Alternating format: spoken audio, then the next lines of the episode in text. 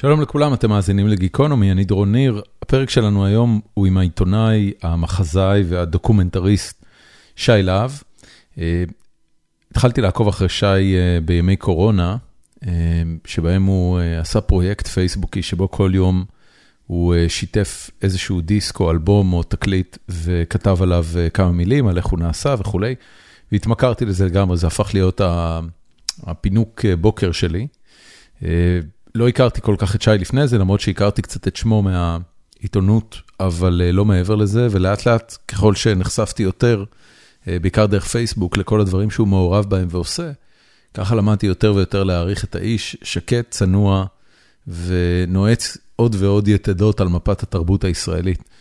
אז ביקשתי ממנו שנעלה לשיחה, וממש בסוף השבוע האחרון, מחזה חדש מפרי עטו, עידה, על על עידה נודל ועל אסירי ציון עלה בתיאטרון הבימה עם עם גילה אלמגור בתפקיד עידה נודל המבוגרת וריקי בליך בתפקיד עידה נודל הצעירה ועוד קאדר שלם של שחקנים מוכשרים. ודיברנו על המחזה ודיברנו על מה זה אומר ליצור מחזה ועל איך עברה עליו קורונה ועל עוד המון דברים, ויותר ויותר גיליתי כמה קווים מקבילים יש בחיים שלנו, גם בדברים שאנחנו אוהבים לעשות וגם במקומות שמהם הגענו. אני מקווה שתהיה לכם האזנה נעימה, בסוף הפרק בנוהל חפירה אישית שלי, תישארו אחרי אות הסיום, ושתהיה לכם האזנה נעימה, פרק 606 עם שי להב.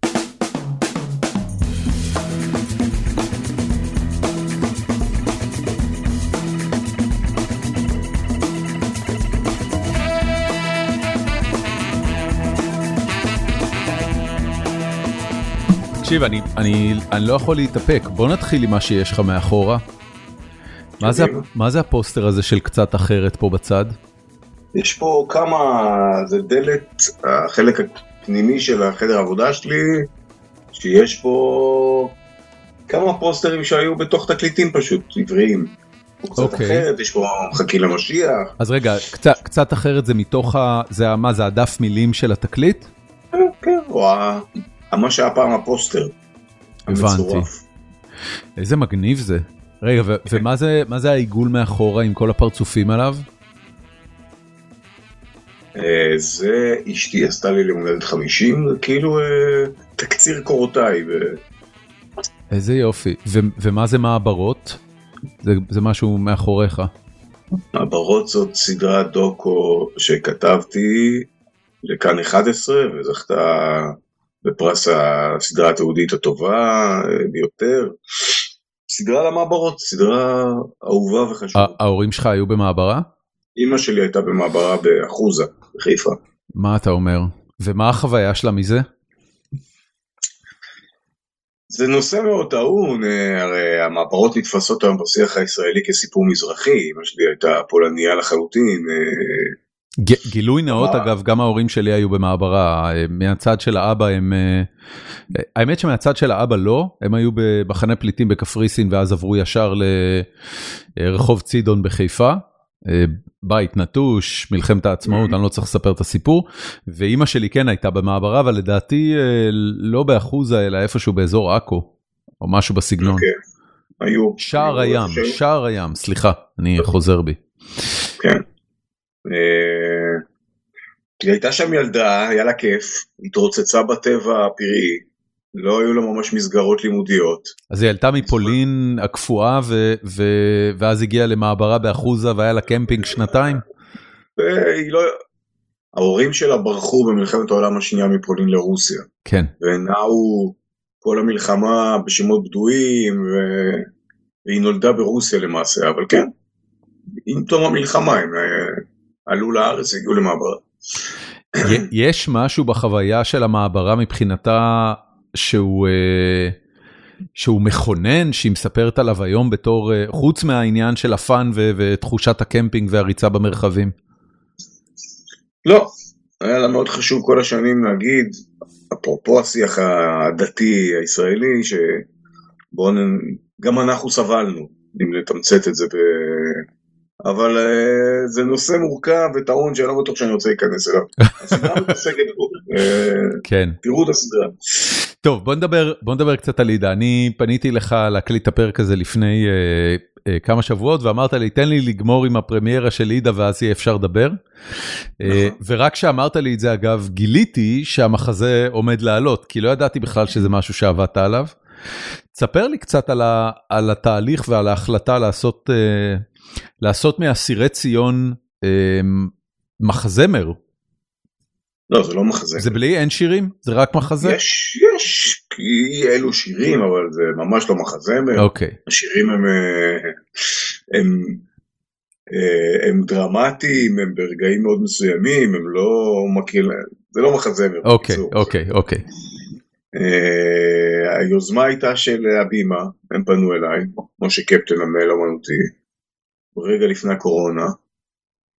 אה, בהתחלה לא הבנתי למה. זאת אומרת, אני זוכר היטב את עידה נודל, אפילו את הנחיתה שלה בארץ, היא שודרה בשידור חי, אבל שכחתי ממנה כמו 99% מהישראלים, והוא אמר לי לך, תחטט, דבר עם אנשים, תראה אם יש סיפור. זה מה שעשיתי. הוא, הוא דווקא שלח אותך על עידה ולא על אה, שרנסקי, שהיה סיר ציון הרבה יותר מפורסם? קודם כל, בשעתו היא הייתה לא פחות מפורסמת אם לא יותר. באמת? זה מאוד השתנה, כן. עידה נודל. שוב, הנחיתה שלה בארץ שודרה בשידור חי, גם של אה, שרנסקי, אני זוכר, היה דרמטי מאוד. נכון? עידה הגיעה קודם, אה, היה אז רוטציה, היה פרס ושמיר, שניהם התייצבו בשדה התעופה, נתנו לה וואלה. לדבר עם רונלד רייגן בשידור חי בטלפון, ג'יין פונדה הייתה האפוטרופוסית שלה, היא הייתה ממש אה, סטארית בינלאומית, עידה. אה, ולכן העובדה שהיא נשכחה היא עוד יותר דרמטית, היא בעצם גם חלק מסיפור המחזה. למה היא נשכחה? ומה גילית כשיצאת למסע הזה? רגע, מה, מה שאתה אומר לי עכשיו, כשמשה קפטן פנה אליך, אתה זכרת את זה, או שזה היה בש- בשבילך... זכרתי מה שאמרתי לך עכשיו, זכרתי שהיא הייתה סטארית אוקיי, ונעלמה. תהיתי לאן היא נעלמה, אם היא בכלל חיה, עשיתי גוגל, ומה גילית? שהיא חיה ו... ולא הרבה יותר מזה, זאת אומרת היא לא פעילה או... תראה, בדיעבד גיליתי שהיא כבר הייתה די חולה בשלב הזה, היא הייתה בתחילתה של דימנציה. אוקיי. אבל זאת לא, גם קודם היא הלכה ונשכחה בתודעה. ו- ו- ואז איך עושים מהדבר הזה מחזה? תחקיר רציני, היא כתבה סוג של אוטוביוגרפיה כשהיא הגיעה לישראל, אוקיי, דיברתי עם למעלה מ-20 אנשים, כולל אסירי ציון, אנשים שהכירו אותה גם שם וגם פה. נפגשתי עם השאר בשרה היחיד, שזה בעצם האחיין שלה, אה, שסיפר לי עליה הרבה.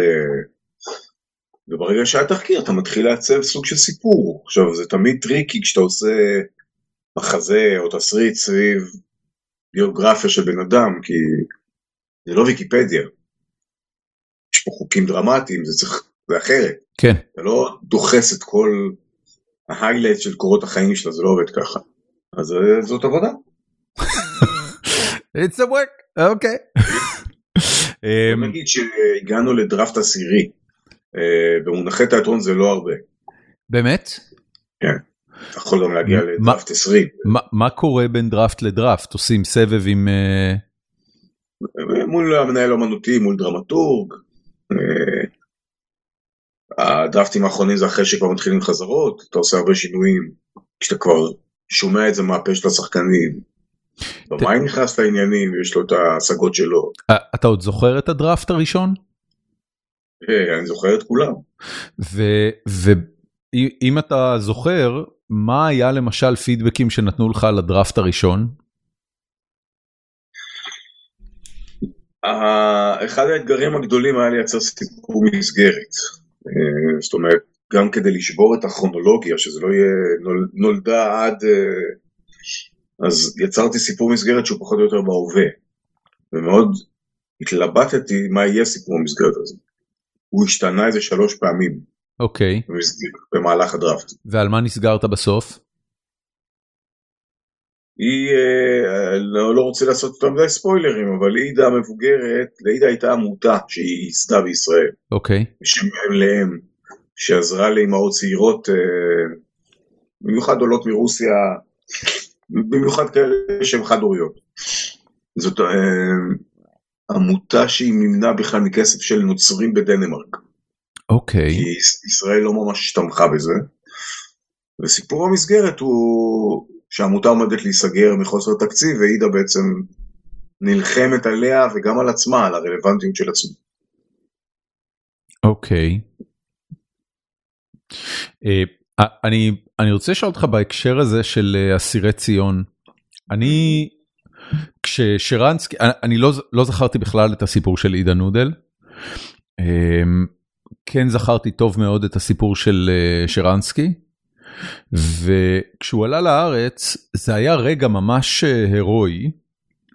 זאת אומרת, זה, זה הגבורה שלו כאסיר ציון והישיבה שלו בכלא אה, תוארו בפרוטרוט בתקשורת המיינסטרימית הישראלית אז כאילו מדובר ב, באמת ב...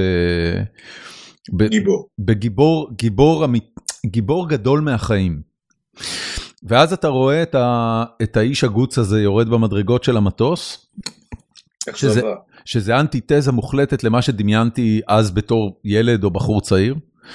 אמ, ואז עם השנים, אתה יודע, הוא נכנס לפוליטיקה, הוא לא הצליח יותר מדי בפוליטיקה, זאת אומרת, שום דבר שבא אחרי סיפורי הגבורה ההירואיים שלו בברית המועצות, לא התקרב לעשייה ולמה שראית ממנו אחר כך, ואני זוכר שזה תמיד נראה לי מוזר בתור... בתור בן אדם, ו- וחשבתי לי עם עצמי שהגיבורים האלה הם כנראה גיבורים לזמנם. כן, אבל תשמע, שרנסקי באופן ספציפי היה שר בישראל, הוא יושב ראש הסוכנות, אה, הגיע להישגים מאוד יפים גם בתוך ישראל. אז זה לא לגמרי מדויק. אה, כן, אנחנו, אני מכיר שרים שלא הייתי מאמין בחיים שהם יחזיקו יום בכלא הרוסי. זה סיפור אחר, אבל כן. הוא, הוא לא דוגמא, הוא כן הצליח לייצר לעצמו חיים חדשים ומשמעותיים גם בישראל. אוקיי. שאתה לא יכול להגיד על עידן עודה. אוקיי. Uh, עכשיו אני מבין מה אתה אומר וזה נכון, מחזה באמת מתחבט בזה גם מהו גיבור. נכון. והאם גיבור הוא גיבור טוב לשעתו ולזמן ומקום נתונים. Uh, התשובה היא כן בדרך כלל, זאת אומרת, התכונות שאפשרו לעידן עודה לשרוד ארבע שנים לבד בסיביר לצורך העניין. כן. אה, בתנאים של מינוס 40 מעלות ועם שכנים שניסו לאנוס אותה והייתה צריכה לחטוב בעצמה עצים ולהפשיר אה, מים מהקרח כדי שיהיו לה מים וכולי וכולי. אה, אתה צריך להיות בן אדם מאוד עקשן, מאוד עמיד, מאוד, עם יכולת להיות לבד. כל הדברים האלה מאוד פגעו בה דווקא כשהגיעה לישראל וניסתה להשתלב, ל- ל- להיות חלק מממסד, היה לה פתאום מאוד קשה לשמור על הפה שלה, תמיד אמרה כל מה שהיא חושבת. well, nobody likes that. נכון, אבל כשאתה כן, נלחם כן, כן. באימפריה הסובייטית, אתה צריך להיות קצת מעצבן, או הרבה מעצבן. והמעצבנות הזאת היא לרועץ, כי אתה מגיע לישראל אחר כך. כן. Um, טוב, אני, אני רוצה לשאול אה, קצת עליך, הפרט הכי מעניין שגיליתי עליך ב, אה, בתחקיר לקראת הפרק הזה, אה, זה שאתה בכלל עורך דין. בהכשרתי מה שנקרא. מה זה? בהכשרתך, כן. אז, אז קודם כל, מה שאתה אומר לי עכשיו על, על, על המשפחה שגדלת בה, שנשמעת מאוד דומה למשפחה שאני גדלתי בה, אני מניח שהוסללת למקצוע מכובד אה, מהבית. אה, באיזה נקודה החלטת לזרוק את זה? לא, אני בתור ילד בריאלי העברי בחיפה כתבתי שירים. הייתי כאילו, כתבתי שירים באופן כל כך מופרז, שהמחנכת קראה לאימא שלי כדי להגיד לה שהילד מגזים הוא גם על השיעורי בית בחשבון עונה בחרוזים. אוקיי. היה מטרד. אוקיי. אבל היות וגדלתי אכן במשפחה פולנית בורגנית, עם הכוונות הכי טובות, אה, אין לנו אומנים, גם במשפחה הכי מורחבת, כאילו, היה די ברור לכולם, גם הייתי תלמיד טוב, שאני אה, צריך לעשות משהו רציני. כן. אה, וככה הוסללתי ללימודי המשפטים, היה לי בגרות טובה, פסיכומטרי טוב, עשיתי טיול אחרי צבא, הייתי באפריקה, ותקשרתי עם ההורים שלי בפקסים, ואבא שלי כתב לי בפקס משהו כמו רשמתי אותך למשפטים פה, פה ופה, התקבלת לירושלים, ברכותיי, מתאים לך? לא היה לי שום דבר ספציפי שרציתי ללמוד, אז זה נראה לי סביר ללכת למשהו שהוא יוקרתי, מכובד. אה, זה, הלכתי לזה. זה, זה בסופו של דבר משפטים כן הוא אה, אה, מקצוע שמאוד מחובר לכתיבה ולשפה לא. עשירה, לא? אתה לא מרגיש ככה? כן ולא, לא. זאת אומרת, אגב פגשתי בלימודי המשפטים שלי הרבה מאוד אנשים כמוני, אנשים עם נתונים טובים, שלא היה להם איזה יעד מאוד ספציפי וחבל על הציונים שלך כזה. אוקיי. Okay. וחלק מהם גם לא עורכי דין היום, זאת אומרת, לא המצאתי את זה, אבל זרמתי, אה, סיימתי, עשיתי סטאז', הוסמכתי, ובעודי יושב בבנייני האומה, בנייני האומלל, כמו שהגשש אומרים, אה, בטקס המיתולוגי, בגלימות. טקס קבלת אה, אה, הבר הישראלי. בדיוק, כן. כן. תמיד היו איתי פנקס ועט, אז, טרום הטלפונים. פשוט ישבתי וכתבתי איזשהו קטע ציני שמסתכל מהצד על הגיחוך שבה אין ספור אה, פינגווינים שיושבים שם באולם ונפלטים ל... חזרתי הביתה, קראתי את זה, ראיתי כי טוב, הדפסתי את זה, אמרתי מה אני עושה עם זה, גרתי אז באזור ירושלים, בדיוק התחתנתי, לא הכרתי אף אחד בתקשורת, היו בירושלים שני מקומונים, אה, כל העיר ועיתון ירושלים, כמו טמבל, פשוט הדפסתי, נסעתי למחרת, שמתי אצל מזכירת המערכת הזאת נייר, אצל מזכירת המערכת הזאת נייר, יש עד טלפון, קווי, לא היה לי סלולרי. בדיעבד זה מעשה מאוד תמים, חסר... גם אמיץ, זה מעשה יזמי מובהק. כן, לא הבנתי את זה, זה היה ממש צורך. צורך פנימי חזק, דחף. כן. ובאותו, ובאותם אחר צהריים קיבלתי טלפון מעורך התרבות של כל העיר. שמי הוא היה באותו זמן? איתן, לא זוכר את שם המשפחה שלי. אוקיי. הוא אמר לי משהו כמו, תשמע, קראתי את מה שכתבת, אה, אתה כותב מעולה, מה שכתבת מעניין לי את התחת, הוא היה בן אדם בוטה. כן. אבל אני אוהב איך שאתה כותב, מה אתה אוהב? מה מעניין אותך בחיים? אני צריך די באותה שנייה להחליט מה מעניין אותי בחיים. כן. בלי לחץ מה שנקרא. פילוסופית חשובה, מאוד, אתה אפילו לא מבין, אה, ומיד אמרתי לו מוזיקה. כי הייתי חובב מוזיקה, זה מה שהייתי מובהק כל חיי. עכבר של חנויות תקליטים ו... זה היה מוזיקה בינלאומית או שזה היה גם ישראלי באותם שנים? גם וגם הכל. אה, על, איזה שנה אנחנו מדברים? מה זה אה, שנות ה-90, 91, 2? לא, לא, לא, לא, 98, 9. אוקיי, אוקיי. כבר הייתי עורך דין, אה, לא, לא, בשלב הזה לא, בדיוק כמו שאני מספר, הוסמכתי להיות עורך דין. כן. אה, ואז הוא אמר לי, תשמע, ביום שישי ירמי קפלן מגיע לצוללת הצהובה, מועדון ירושלמי, לך, פתח לו את התחת, ואם תכתוב את זה שנון, זה, זה יתפרסם. זאת הייתה הנחיה, תפתח לו את התחת. הוא לא אהב את אה, ירמי קפלן או שהוא פשוט רצה לא כתבה מושחזת? אה, כן, זה היה הדרך שלו להגיד אה, תהיה ציני ביקורתי. כן.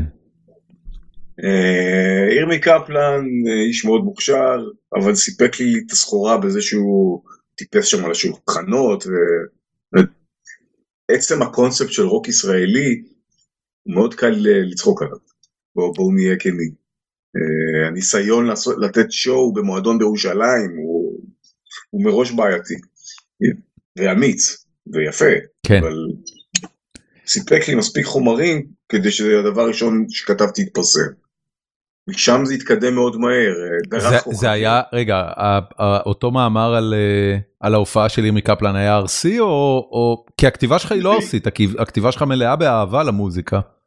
אה, עם הזמן, אבל בהתחלה הייתי צריך, אתה יודע, להראות את הנוצות שלי.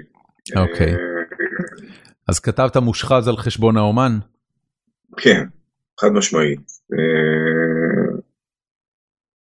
אה, ברבות הזמן, שהפכתי לעורך והדרכתי כתבים צעירים, תמיד סיפרתי להם גם את הסיפור הזה, כי זה נכון מה שאתה אומר, שבתוך המיליה של כתבי תרבות ומבקרי מוזיקה, אני חושב שאני פחות uh, תוקפן ואגרסיבי הייתי. לגמרי. Uh, ממרבית הקולגות שלי, אבל זה לקח לי זמן. יש, יש שלושה אנשים בארץ ש, שאני קורא באופן קבוע שכותבים על מוזיקה uh, באהבה גדולה, וזה קוטנר וזה אתה וזה יוסי חרסונסקי, לפחות מהדור שאני גדלתי בו, זאת אומרת היום לדעתי כבר יש הרבה יותר.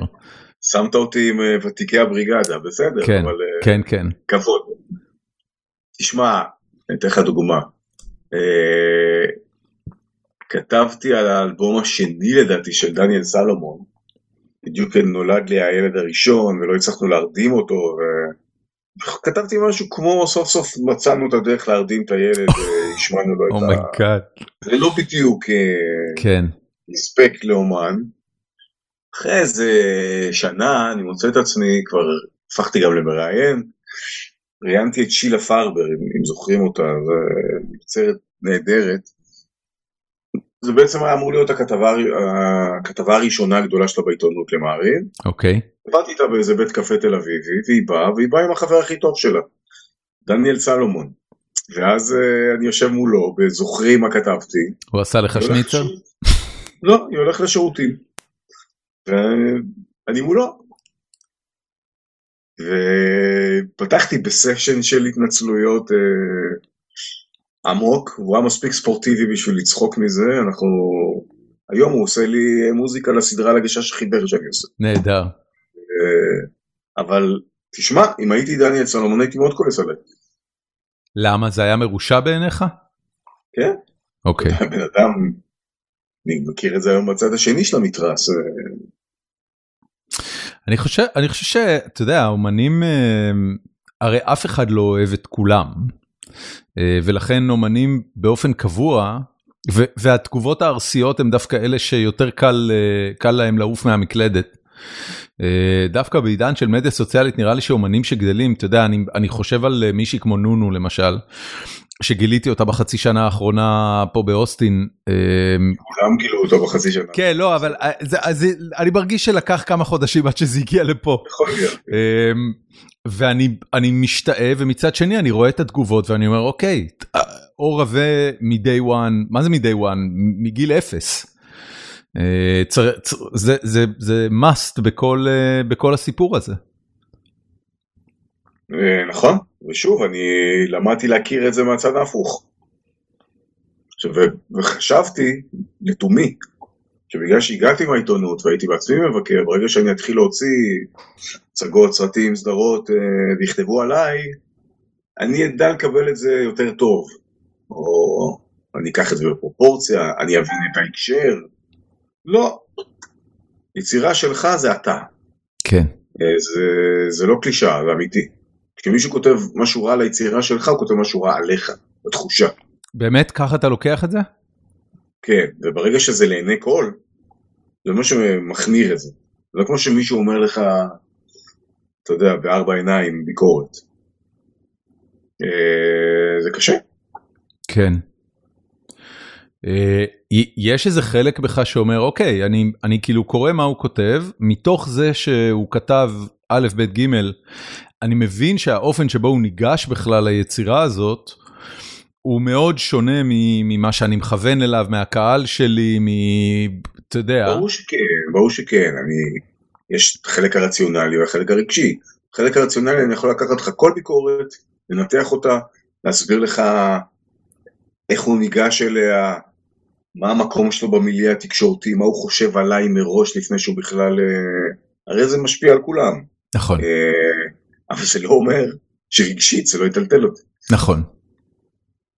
את, מה אתה עושה כשדבר כזה קורה, כשמתפרסמת איזה ביקורת או כשאתה קורא איזה משהו שמבאס אותך? מתבאס וזה עובר לי. זהו, זה הסיפור, אתה לא הולך לדבר על זה עם אף אחד, אתה לא... לפעמים כן, לפעמים לא, תשמע, זה, באותו רגע זה מאוד מבאס, אבל הדבר הכי טוב לעשות זה פשוט לעבוד. זה הסיפור מבחינתך? ב... כן. כי שוב, זה מפעיל אותי רגשית, אבל אני כן זוכר כל הזמן מאיפה הם באים, וגם מה החשיבות של ביקורת, זה בכלל דיון בפני עצמו, כמה זה באמת היום משנה בעולמנו הנוכחי. תראה, זה, זה דבר נורא מעניין מה שאתה אומר, כי um, יש את אתר הביקורות הקולנוע שנקרא Rotten Tomatoes, שאתה בטח מכיר. Um, ואחד הדברים המעניינים שאני שמתי לב אליו זה שבעשור האחרון um, יש אינפלציה בביקורות חיוביות. באופן קבוע ממש הציונים הולכים ועולים, ואם לפני עשור, או, או אפילו 15 שנה, זה היה נדיר עד לא קיים שאתר יקבל, אה, סליחה, שסרט יקבל ציון ממוצע של 95 ומעלה, רק בשנה האחרונה יצאו איזה ארבעה או חמישה כאלה. והמסקנה שאני הגעתי אליה זה שבגלל ה-selection bias יש כל כך הרבה תוכן, אם בן אדם כבר רואה משהו. אה, אז הוא ימליץ עליו, כי אם הוא לא ממליץ עליו, אז אף אחד לא יראה אותו, ו... ו... זאת אומרת, לכתוב ביקורת קוטלת כבר נהיה לא מעניין. אף אחד לא יקרא את הביקורת הקוטלת, הוא יפתור אותה בזה שלא כיף לקרוא את זה. זאת אומרת, אתה מבין כמה... שמע, אבל כל המוסד הזה של ביקורת, פעם מבקרים זה היה המשרה המלאה שלהם, אתה הזכרת קוטנר, חרסונסקי, הנדלזלץ בתיאטרון, אה, כן, שניצר, ענקים, כן. אנשים שאתה מחכה באמת לשמוע את הפסיקה שלהם. אה, אלה אנשים שהמשכורת החודשית שלהם, הסבירה בהחלט, הייתה על לכתוב ביקורות, שזה נפלא. זאת אומרת, רק ככה אתה יכול גם להיות מבקר ששומע המון מוזיקה, רואה הרבה הצגות וכולי. כבר שנים לא ככה, המבקרים הלכו ונהיו מכורח המציאות. כי כל אחד נהיה מבקר. סושיאל מדיה גרם לזה שכל אחד נהיה מבקר. לחלוטין, ולכן הביקורת היא פחות חשובה. האם, האם זה אומר שהביקורת היא פחות חשובה או שהיא פשוט זולה? היא לא, אתה יודע. כדי להיות מבקר טוב אתה צריך לעבוד בזה. ולא, אתה צריך לשלוט בחומר, אתה צריך ללכת לכמה שיותר הופעות, לקרוא כמה שיותר, זה עבודה. כדי שבאמת דעתך תהיה יותר מנומקת ו... יתייחסו אליה. אם אתה לא מתוגמל על זה, ואתה מתייחס לזה כאל עוד תחביב או משהו שאתה יודע, מהצד, ככה זה נראה גם. אתה, אמ, אתה הפסקת עם הביקורת או הורדת את העניין של ביקורת בגלל שזה הפסיק להיות מתגמל כלכלית או בגלל שלא לא, רצית לעשות את זה יותר? לא תוגמלתי מביקורת, זה לא היה... אוקיי.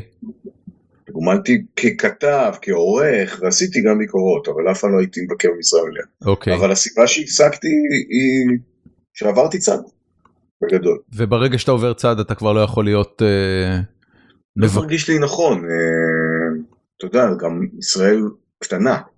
כן. אתה, גם אם אני עושה סדרה דוקומנטרית, אני אעבוד עם מוזיקאי שאני מוציא מחר אלבום. כן. אז מה, זה קרה לי הרבה. החיכוכים הפוטנציאליים האלה. כן. אמ, בסופו של דבר אני חייב להגיד משהו לא יפה. תמיד יש את הקלישאה הזאת שמבקר הוא יוצר מתוסכל. אתה, אה, אתה חושב שהיא נכונה? שהכעיסה אותי הרבה שנים, והיום אני חושב שיש בה משהו. בתור יוצר לא מתוסכל אתה אומר את זה. כן, חלוטין. אבל אתה יודע, היה עכשיו, אה, אם אני לא טועה, זה היה אה, אורי קליין שנפטר בעיתון הארץ. ו... והוא היה מבקר קולנוע במשך עשרות שנים. אה, הוא בדיוק דוגמה למישהו שזאת הייתה עבודתו. נכון. ויותר מזה, אחרי שהוא נפטר, ההספדים הרבים והבאמת מחממי לב שהוא זכה להם, אה, העידו על כך שהוא, אה, שהוא עשה משהו גדול בביקורת שלו.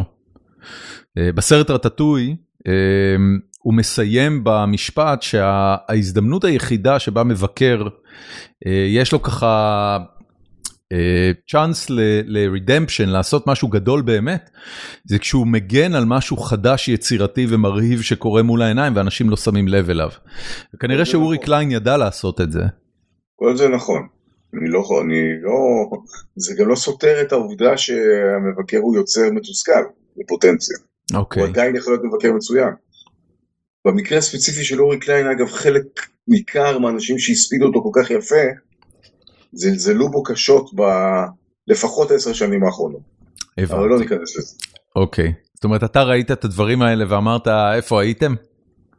לגמרי. אבל זה תמיד כשבן אדם נפטר, אז... הוא נהיה כן. נפלא. אמ, אני רוצה לשאול אותך על משהו שמתחולל בפייסבוק שלך אה, בחודש, אולי חודשיים האחרונים. אמ, לקחת לעצמך פרויקט של להתחיל אמ, אה, להוציא מהארכיון עטיפות של תקליטים אמ, ולהתמקד בעטיפה עצמה. אמ, ומה היה המקור שלה וכמה היא מרהיבה ומדהימה. ספציפית הבוקר, אה, המאפרה המופתית של, אה, של מחכים למשיח של שלום חנוך. מאיפה, מאיפה נולד הרעיון לקחת עטיפות של תקליטים ולעשות מהם אה, פרויקט תוכן, שזה בתכלס מה שזה? קודם כל יש לי הרבה פעמים את הצורך העיתונאי הזה כנראה לעשות פינות בפייסבוק, זה לא הראשונה שלי. במהלך הקורונה ייסדתי פינה בשם דיס קורונה. נכון, שאת, אה, שככה. גיליתי אותך והתחלתי לעקוב אחריך. אוקיי. אה, אני אוהב פינות, אני אוהב משהו שהוא... שגם הוא יוצר איזשהו קהל שהולך איתך ואתה יכול לפעמים להזכיר את מה שעשית, כאילו יש בזה איזשהו מסע, איזשהו חן.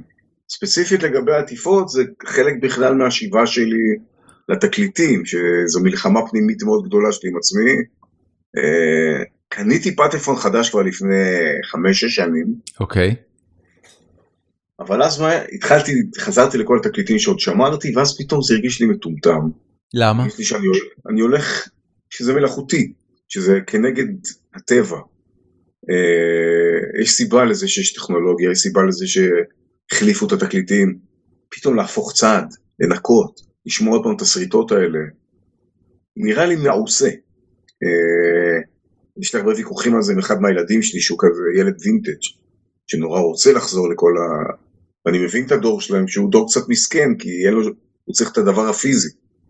כן. הם מקבלים הכל, אבל הם לא יכולים להחזיק אותו. איכשהו בשנה האחרונה נכנעתי שוב לקסם של הוויניל. הבנתי שיש משהו ב...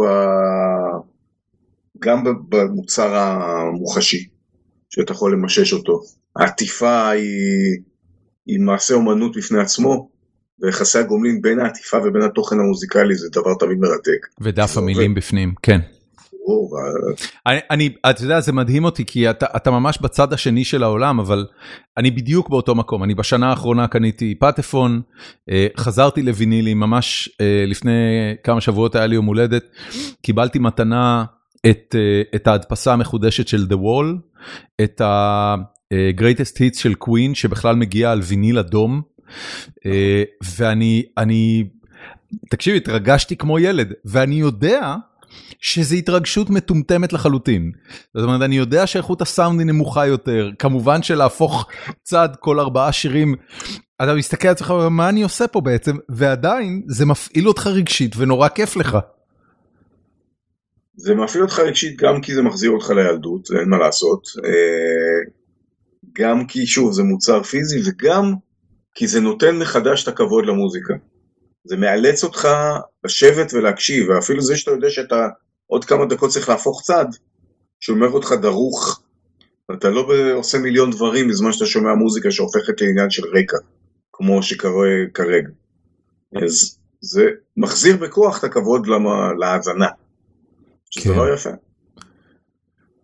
כן, וה, והבחירה שלך בעטיפות לפרויקט הזה, מה, מה בעצם מכתיב? זאת אומרת, אתה יודע, במקרה של שלום חנוך, זה מקרה נדיר של גם אלבום מופתי וגם אריזה מופתית, כאילו הכל שם התכנס לאיזה פסגה, אבל יש אלבומים אה, שה... עד עכשיו אני משתדל שזה יהיה גם אלבום משמעותי וגם עטיפה משמעותית. ברור אוקיי. שיש עטיפות נפלאות עם אלבומים פחות... אה, מה אתה זוכר שהוא כזה? אליהם.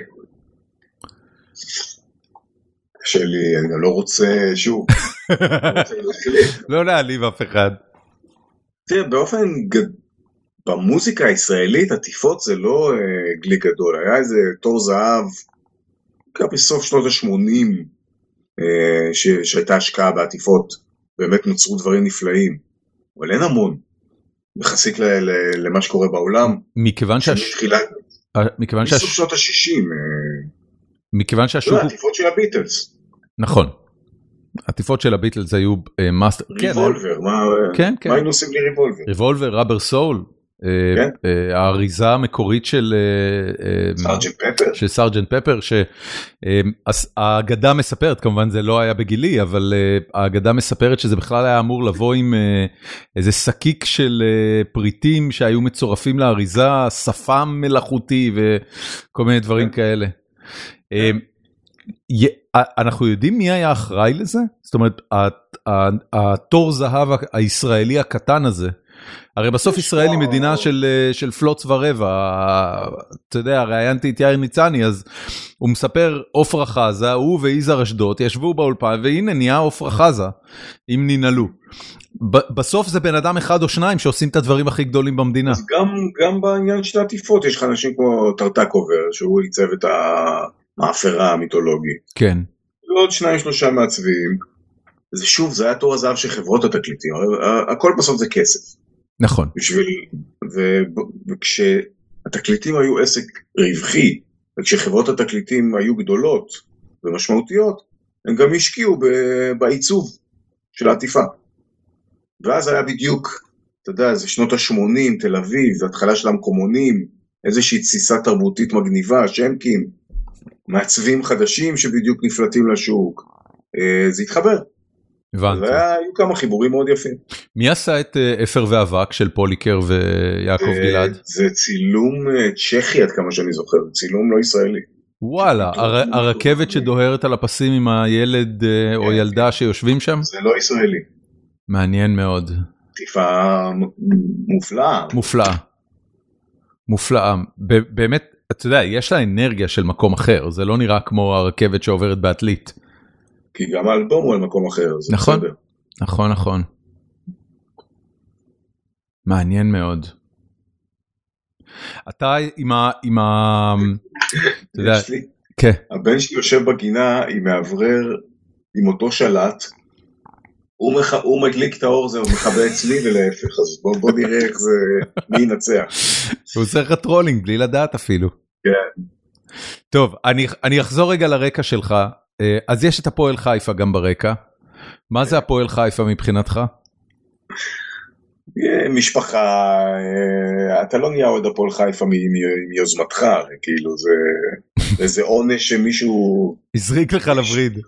כן, אז אצלי זה היה בעיקר אה, אבא, סבא, שהוא דווקא אבא של אימא. המשפחה שלי הם כולם מקריית חיים. אוקיי. אה, שני ההורים שלי הם מקריית חיים, שם הם גם הכירו, ו...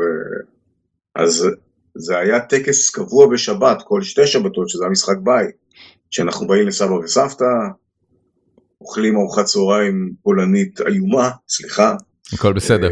הם בטח כבר לא בחיים, הסבא הם והסבתא. לא בחיים, אבל כן. גם אם הם היו, הייתי אומר את זה בלי, אה, הם ידעו, זה לא היה החלק החזק של העדה, אבל גם כשיש 40 מעלות בחוץ אוכלים איזה מרק חם, מרק אופן גריסים, אה, ויוצאים להליכה קצרה לאיצטדיון. איצטדיון אני, קריית חיים, זה לא קריית אליעזר. רק קריית חיים. כן. אה, ריח של ים, ריח של סיגריות, אה, משפחה, משפחה גם בתוך הקהל. לא- לא היה- לא היה פיצוחים או שהיה היה גם פיצוחים? היה, היה. אוקיי. גרעינים. אה, בדרך כלל חוזרים עצובים. אבל אה, משפחה, משפחה גם במובן המורחב של ה...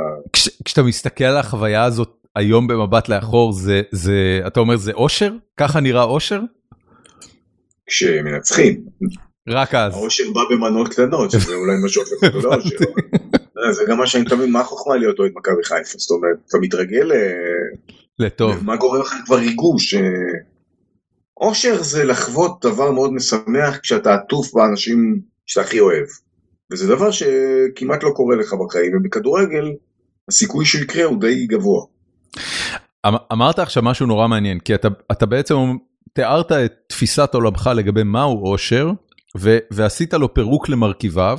עכשיו, מתוך זה שעשית לו פירוק למרכיבים, קודם כל כמחזאי, ברור שיש לך את היכולת הזאת, כי אתה צריך לעשות דקונסטרוקציה ואז לבנות מחדש רגעים שיגרמו לקהל הנאה או אושר או מתח או צער. איך אתה עושה את זה עם המשפחה? כלומר, האם אתה, האם אתה מייצר לך ולמשפחה שלך חוויות או רגעים שאתה מראש אומר, אני יודע מתוך הילדות שלי והדה-קונסטרוקציה והרקונסטרוקציה, שזה הולך להיות האושר והנוסטלגיה שלהם בעוד 30 שנה מהיום.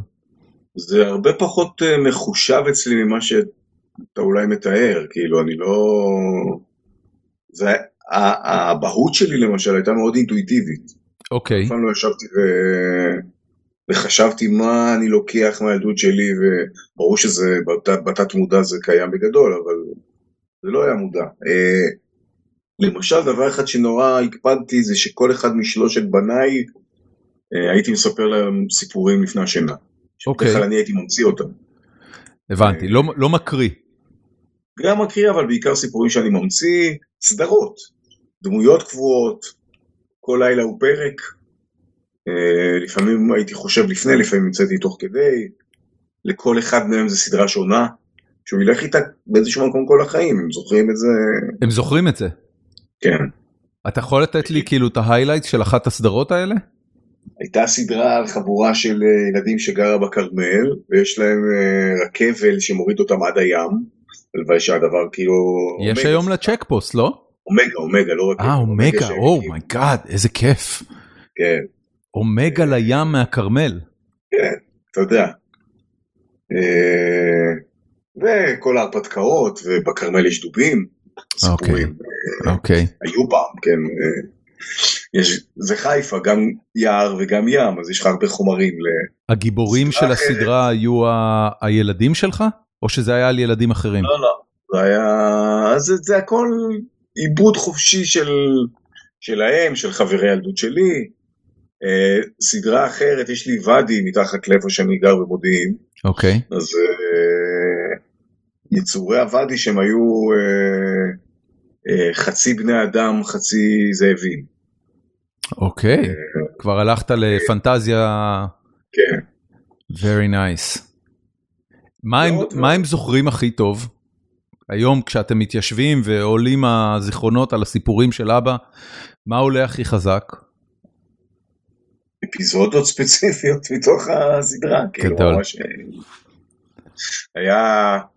הייתה סדרה על הילד דודו שגר ברחובות, אני לא זוכר אפילו איך הגענו לזה, קורותיו של הילד דודו. כן. והיה רגע מאוד דרמטי שדודו עובר לאילת. זה נגיד היה הילד הקטן שלי, הוא לא ישכח את זה. באמת? כן, זה, אני אומר לך, אחרי איזה שנתיים של דודו ברחובות, הוא עובר לאילת. והוא לא... אירוע משמעותי בחייו של הבן שלי. תקשיב, זה נהדר.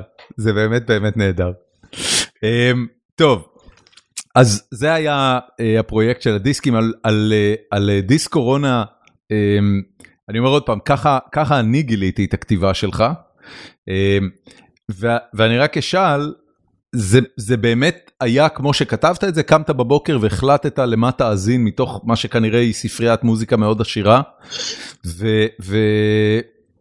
ואז... הקורונה, התחלתי את זה ממש בהתחלה של הקורונה. אוקיי.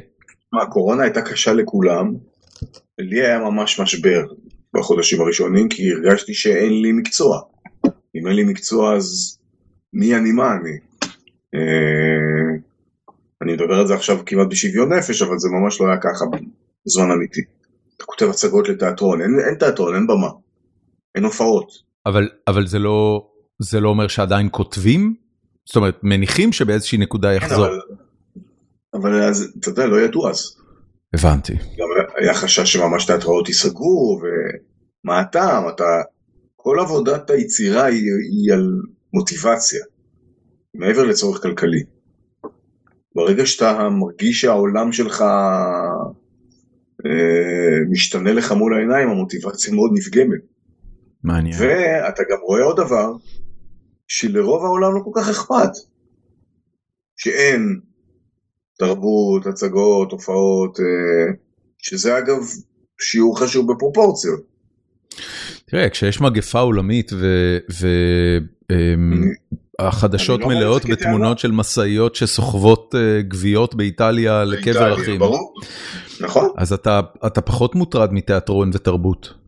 לחלוטין, אני לא, שוב, אני לא אומר את זה בטרוניה, כן, אה, כן, כן. אבל זה כן סוג של שיעור לחיים. זה גרם לך לחשוב מחדש על, המ- על המקצוע או ש... ודאי, תשמע, את עידן נודל כתבתי בקורונה. היו שבועות ארוכים שאמרתי לעצמי, למה אני עושה את זה?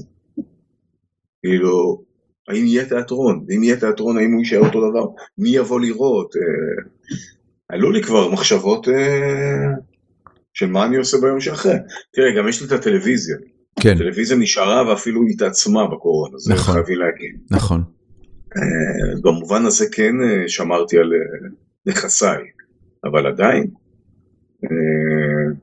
כן, התחלתי לחשוב אפילו על אה, חזרת חירום לעולם המשפט, שזה נראה לי סיוט. מטורף. כן. ואז באיזה נקודה, אתה, אתה אומר בעצם הסיפור של דיסק קורונה וכתיבה יומיומית על מוזיקה, זה היה- תרפיה לחלוטין בשבילי. זה הבנתי. היה- הבנתי, אוקיי. באיזה נקודה חשבת שאוקיי, זה, זה כנראה לא סוף העולם? כמה זמן לקח? נראה לי שכשהמציאו את החיסונים. הבנתי, אוקיי. כן. זאת אומרת החיסונים כבר היה, שזה מה, זה, זה כמעט אה, תשעה חודשים, החיסונים הגיעו לישראל כן. בינואר, הסג, הסגרים התחילו במרץ שנה קודם, כן. זה היה כמעט שנה עד, ש, עד שהתחילו להבין שכנראה שנצא מזה. שמע, אני כתבתי הרבה הצגות ילדים, למשל, כולל הצגה שעלתה חודש לפני הקורונה. עולם הילדים מת לגמרי, עוד הרבה יותר מעולם המבוגרים. אגב, עד עכשיו הוא, רק עכשיו הוא יוצא מהבור. אה, אז כן. בפוסטים שלך על, ה, על הבכורה של עידה אה, בסוף השבוע האחרון, אה, האולמות היו מלאים. כן. זה, זה, אתה חושב שהעולם אה, יחזור לשגרה, או שיש שינויים שקרו בגלל קורונה שכבר לא יחזרו אחורה אף פעם? שמע, רוב הקהל של התיאטרון, גם לפני הקורונה, הוא קהל מבוגר. בישראל וברוב העולם גם. קהל מבוגר יותר מפחד. אתה רואה בתוך האולם גם היום 20% של אנשים עם מסכות. אין לזה אוקיי. שום אה, דרישה. נכון, אה. וכבר הוכח מדעית שגם אין בזה שום תועלת. אה, עזוב, אני לא אכנס לזה אפילו, כן. אבל אה, אה, אני חושב שגם פעילות התיאטרון בסך הכל קטנה יחסית ללפני הקורונה. פחות אנשים באים. זה עדיין שם, זאת אומרת זה עדיין מזיק בצורה כזו או אחרת. אבל אני לא מאמין גדול בשינוי שזה, אתה יודע, כולנו התפייטנו בזמן הקורונה על איך החיים עומדים להשתנות והיופי שבלהישאר בבית. ו- כן, גרוסמן כתב על זה מאוד יפה. נכון. אה, בשנייה שנתנו לאנשים לצאת, לפחות בישראל, הם הסתערו כמו עדרים על כל הדברים שהם נחסכו מהם בשנתיים האחרונות, ותראה מה קורה עם חו"ל, תראה כן. כל העולם בטרפת של טיסות. ו...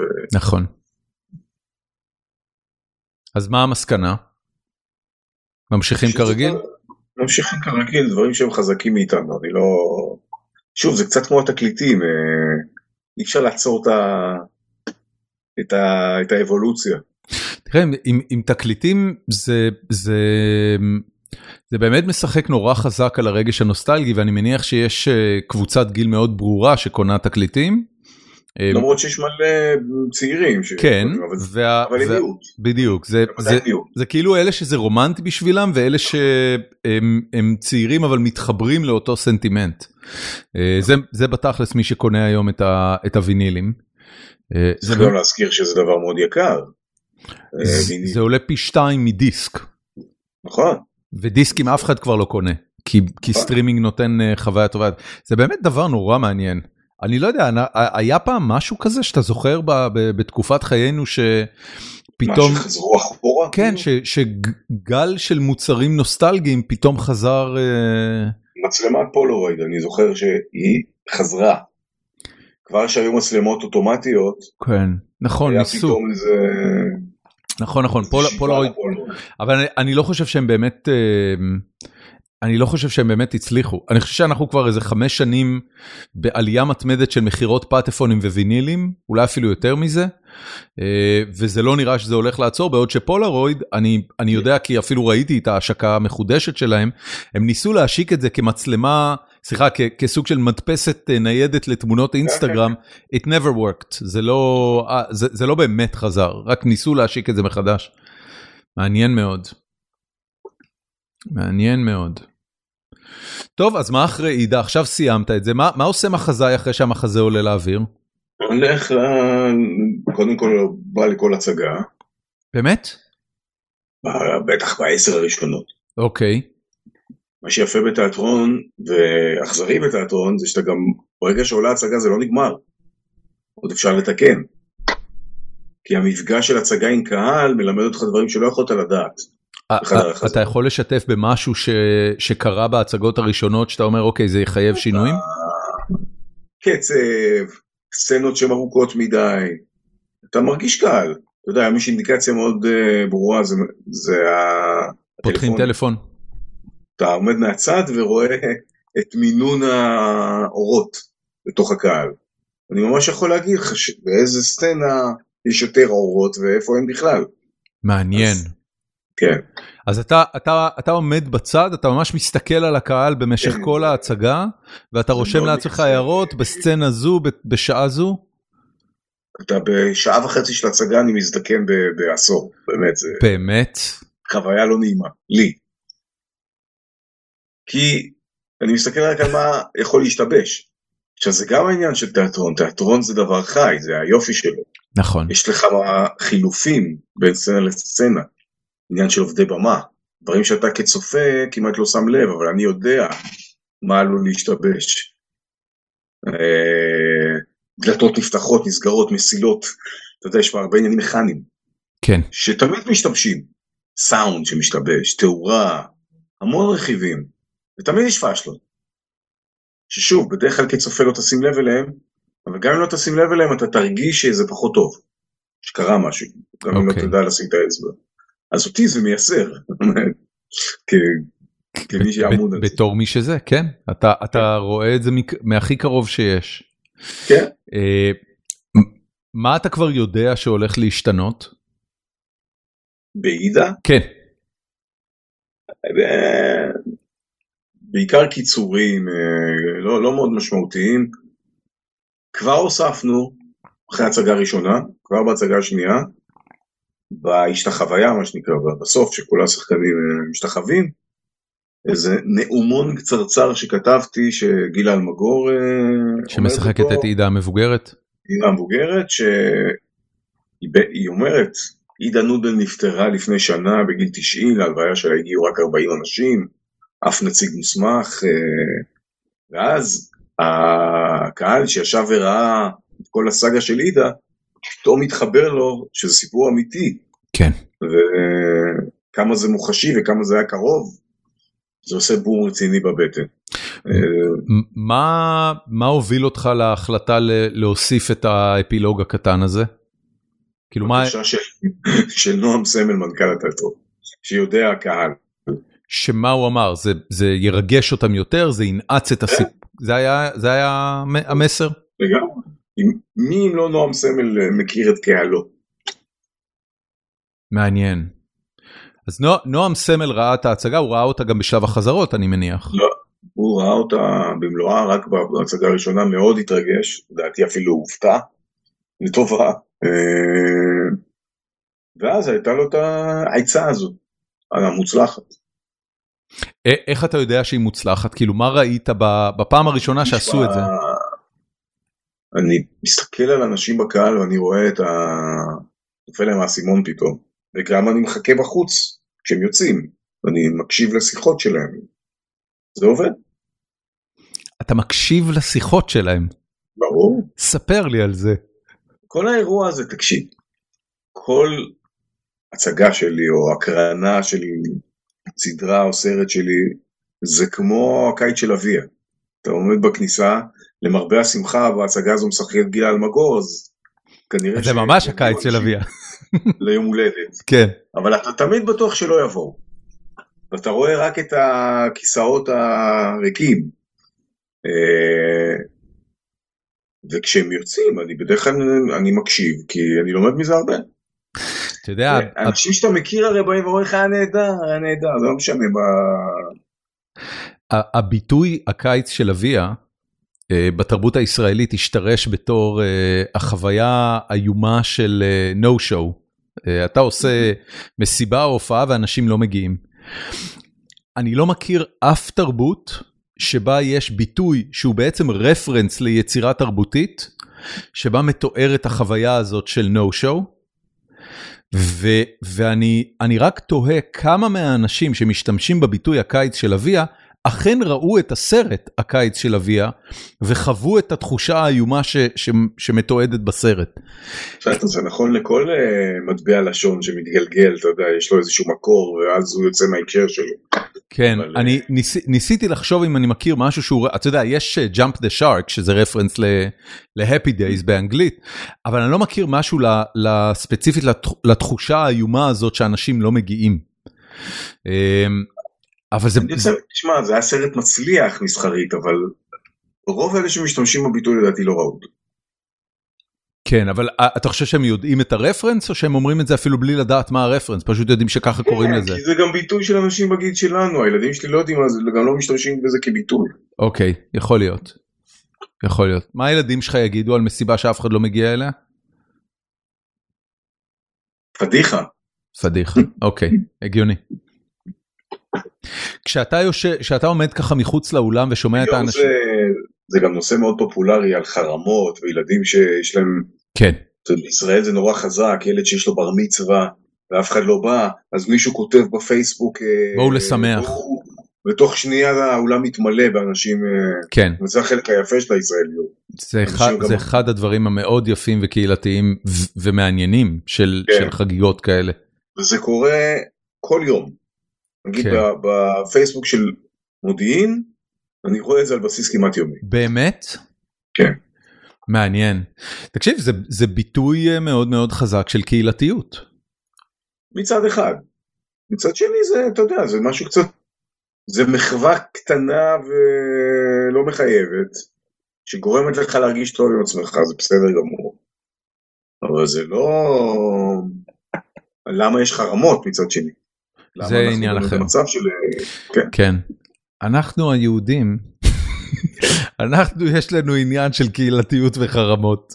לא, אני אומר שאני חושב שחרמות זה עניין אה, בכל הארץ מערבית היום, אה, נראה לי. אמ, זה, זה מעניין, אני מנסה לחשוב בחוויה שלי, אה, הילדים שלי שניהם היום בחטיבת ביניים פה בפאבליק סקול, בתי ספר ציבוריים בארצות הברית. אמ, יש אה, בריונות, לא שמעתי על חרם.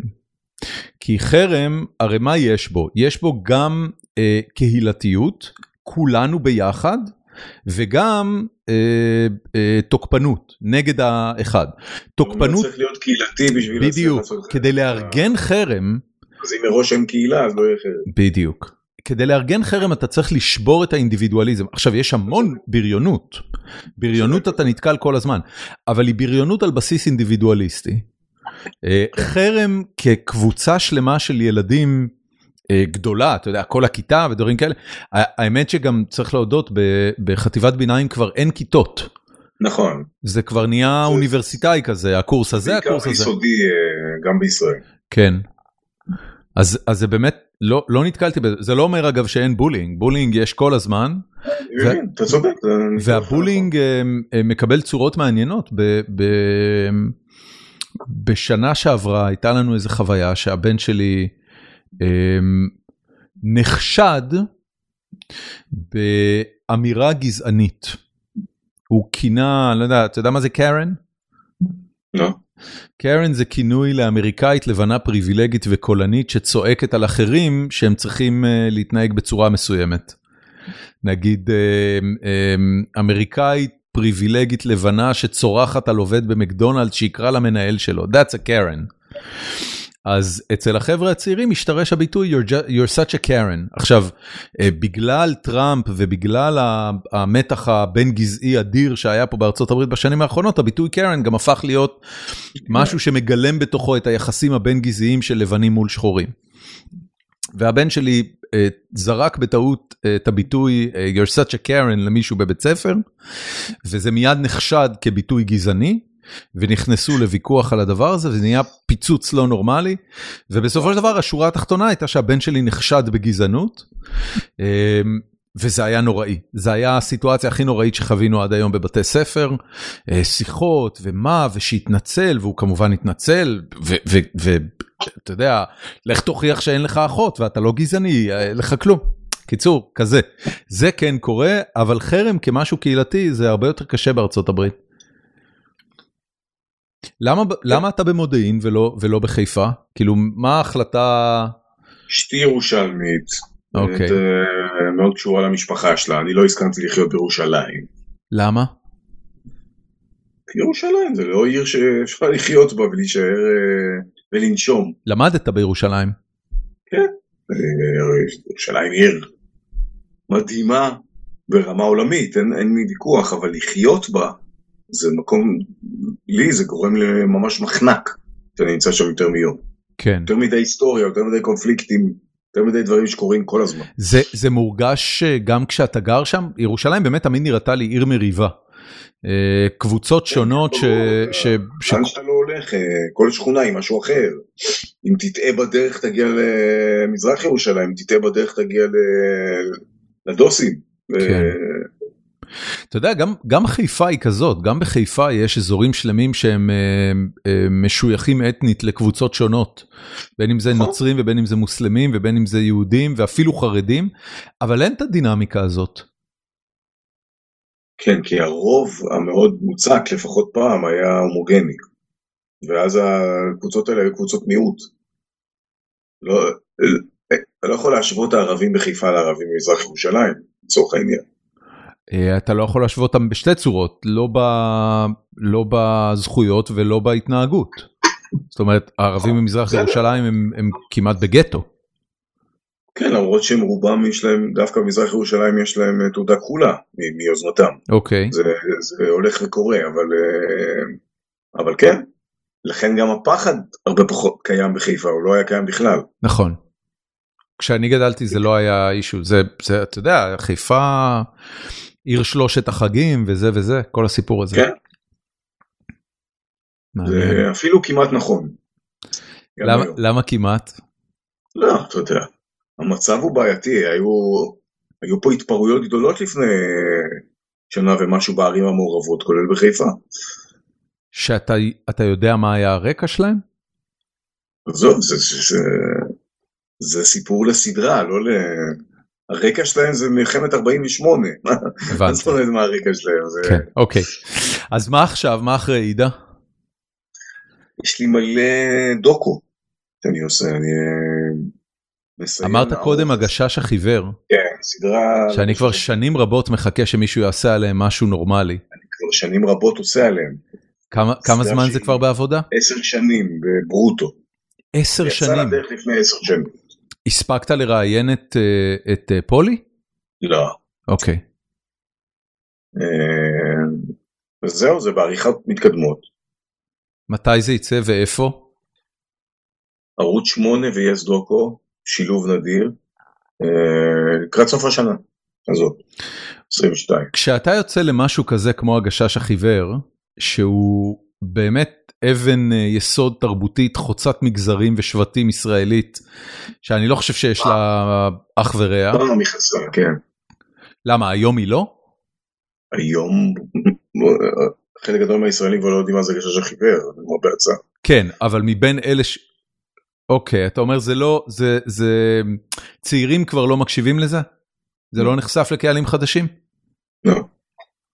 אתה חושב שזה בגלל שמישהו לא עושה את עבודת ה marketing כמו שצריך, או שמשהו השתנה בתרבות? גם וגם. קודם כל, בישראל בכלל אין, אין כבוד למסורת תרבותית כמו במדינות אחרות. יש כל הזמן רצון להחליף. ויש הרבה כבוד במגזר החרדי, בממלכתי פחות למדנו לעשות את זה. לא, זה מטבע הצבריות של להמציא כל הזמן דברים מחדש, זה הרי כל, זה האתוס של המדינה הזאת, אה, לברוא ישראלי חדש. אז, אז מראש היה פה הרבה פחות כבוד למסורת, אבל אה, זה, זה יהיה נכון להגיד זה... שאתה, אה, אה, משימת חייך היא, היא לשבור את, ה, את הדפוס הזה? אני לא יודע אם משימת חיי, אבל זה מאוד חשוב לי. למה? בצד הגשש החיוור אני עושה סדרה על צביקה פיק, המנוח, אה, שעוד הספקתי לצלם אותו רגע לפני מותו. כן, ראיתי את הצילום ביום שהוא נפטר, של הראיון האחרון איתו. זה היה באמת הראיון האחרון איתו? כן. כן. אוקיי. אה, אני מתחיל לעשות סרט גדול על יורם גאון. מה, תספר לי כאילו את המוטיבציה הזאת, מה, מה הסיפור בלהביא את העבר קדימה ולהזכיר אותו לכל מי שעדיין נמצא בסביבה? א', זה פשוט אנשים נורא מעניינים. הם עברו קילומטראז' אה, מדהים, חוויות יוצאות דופן, אה, הם שזורים, אתה לוקח מישהו כמו יורם גאון, הוא פשוט בכל תחנה מרכזית של התרבות הישראלית היה. אז למה לא ללקט את זה ולהראות את זה, אתה יודע, זה אני אומר מעבר לאידיאולוגיה. כן. וכן בעניין של אידיאולוגיה, אה, זה יישמע בנאלי, אבל אנחנו חייבים את השורשים שלנו בשביל להישען ולהצמיח דברים חדשים. אתה לא יכול כל הזמן להתחיל מחדש. לך היה חסר שורשים כשהיית צעיר? זאת אומרת זה בא מאיזה תיקון שאתה מנסה לעשות? לא, לא, אה, בדיעבד אני, תראה, זה בכלל דיון על החילוניות הישראלית. נכון, זה ש... בדיוק הדיון. כן, אה, בדיעבד אני מבין שהיה חסר לי, לא הרגשתי את זה בזמן אמיתי. אבל כשאני מסתכל על זה היום אחורה, אני מבין שיש משהו מאוד לקוי בקונספט של חילוניות ישראלית. כי הוא שוב, הוא לא נשען, זה כמו אה, יונתן גפן שאמר שאלוהים שלו זה אריק איינשטיין בשלום חנות, שזה משפט שמאוד אהבתי כשהייתי צעיר, היום הוא נראה לי קצת מגוחך. כן. אה, צריך למצוא משהו הרבה יותר עמוק ומשמעותי מאיזה זמר אתה אוהב, עם כל הכבוד. אני, אני רוצה רגע לשאול אותך על הגשש החיוור, כי אתה אומר שאתה כבר עשר שנים בתוך ההרפתקה הזאת. אה, בחוויה שלי של לגדול בשנות ה-80 וה-90 בישראל, הגשש החיוור היה, אתה יודע, אני אפילו לא יודע להגדיר את זה, הדבר, זה, זה היה הביטלס ומונטי פייתון uh, all bundled into one. Mm-hmm. Uh, הצלחת לפענח באיזושהי צורה מה היה הסוד של הסיפור הזה? כן, הסדרה היא uh, בעצם, ולא רצינו לעשות את uh, דברי ימי הגשש.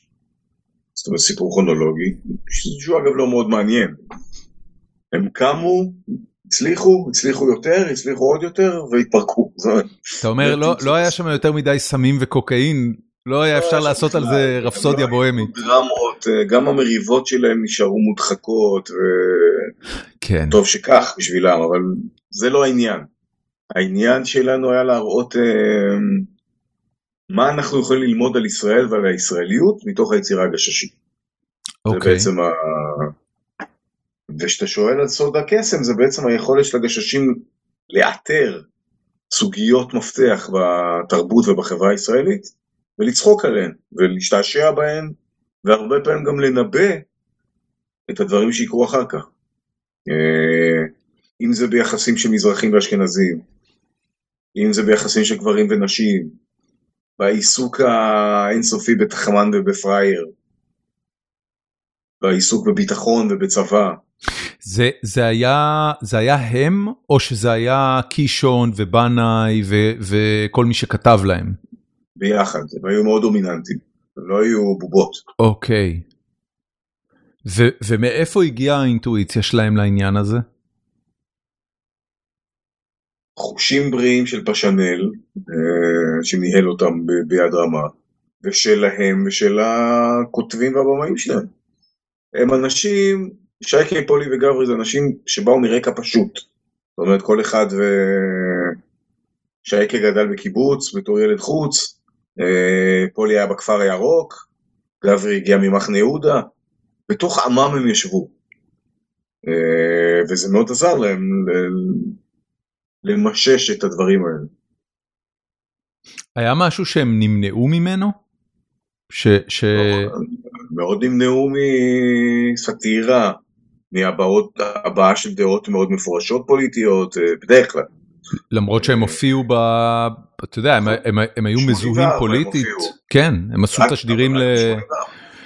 וואו, אני זוכר את זה, תשדירי התעמולה של אה, ספי ריבלין עבור הליכוד והגשש החיוור עבור מפלגת העבודה, זה היה ההצגה הכי טובה בעיר, זה היה, אתה יודע, זה היה הארץ נהדרת שלנו בילדות. וספי ניצח. ספי ניצח.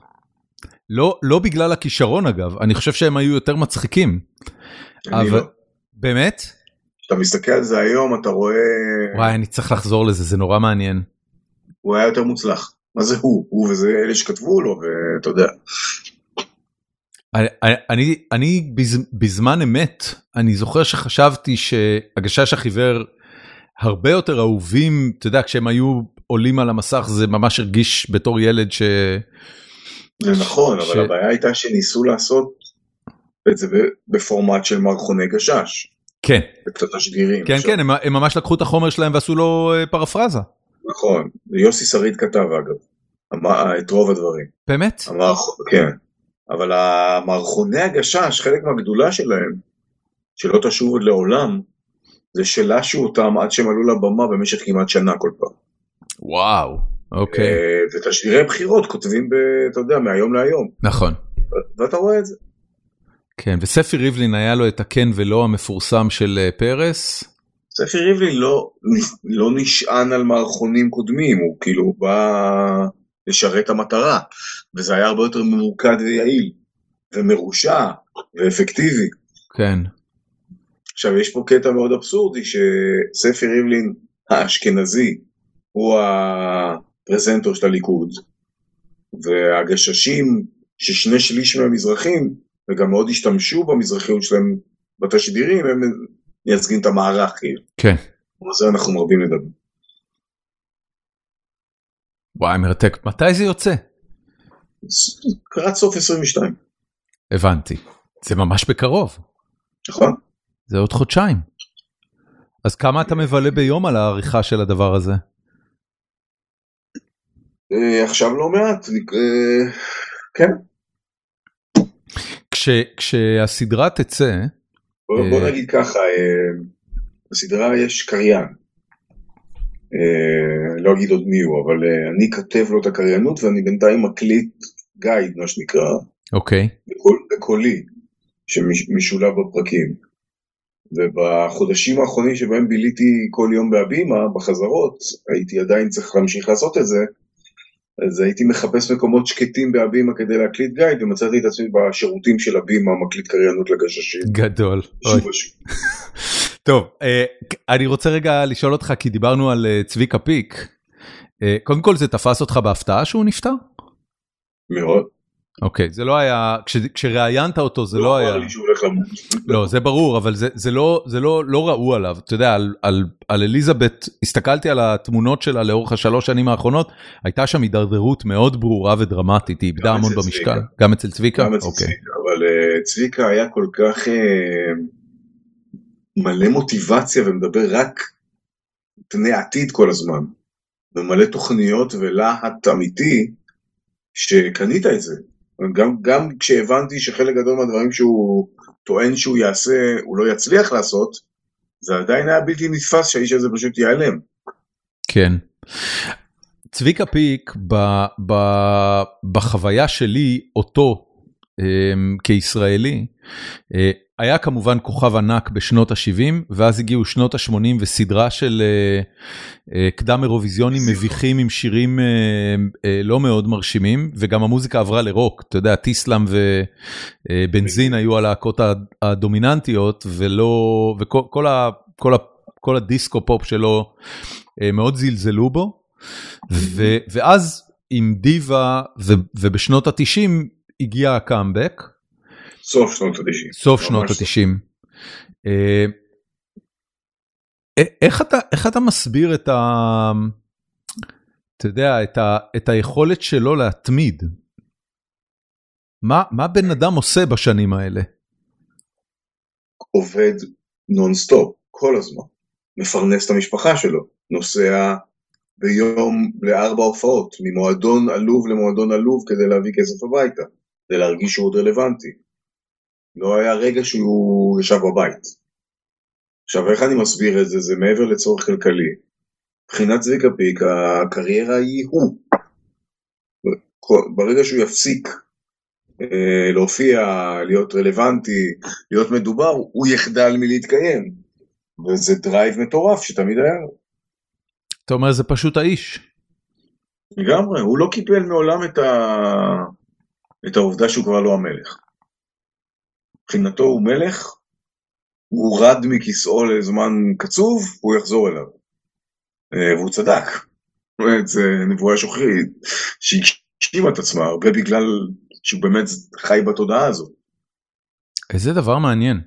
אתה יודע, אתה, אתה, מתאר, אתה מתאר פה mindset של בן אדם, ו, ואני מיד קופץ לי לראש ההתנהלות של ביבי.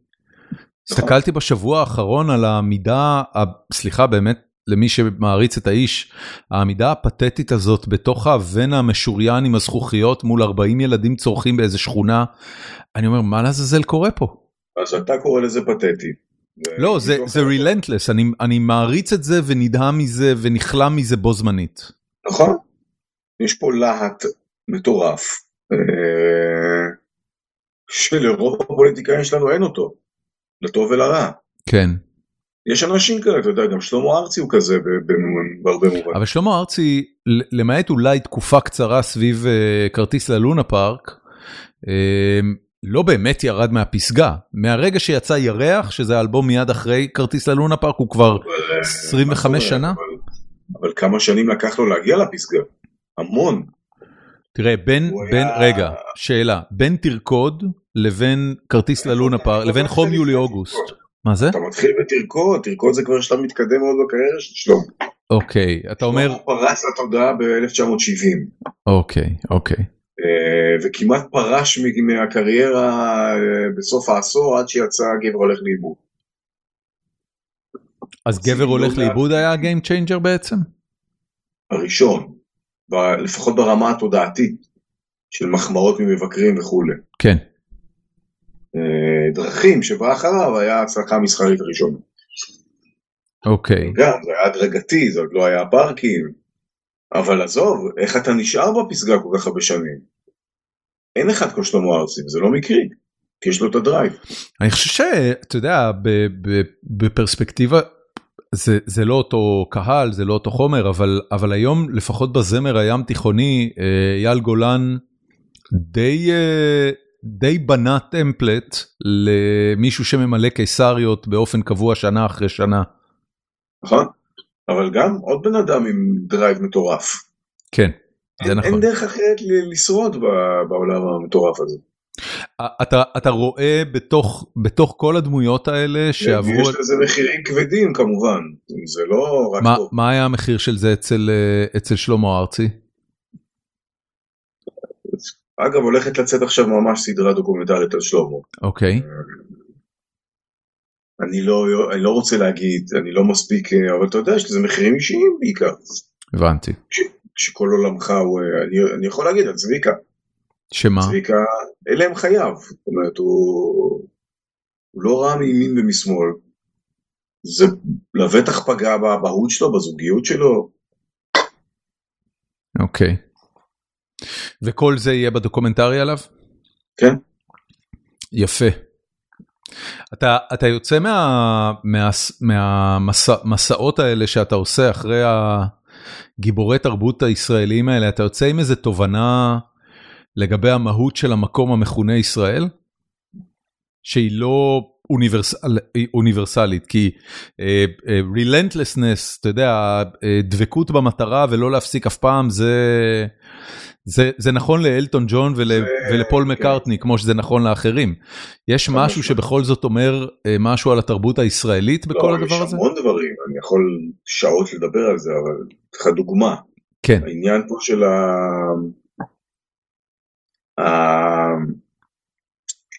קוראים לזה היום האליטות הישנות, או uh, ההתנשאות. ישראל הראשונה, נלך כן, על המינוח.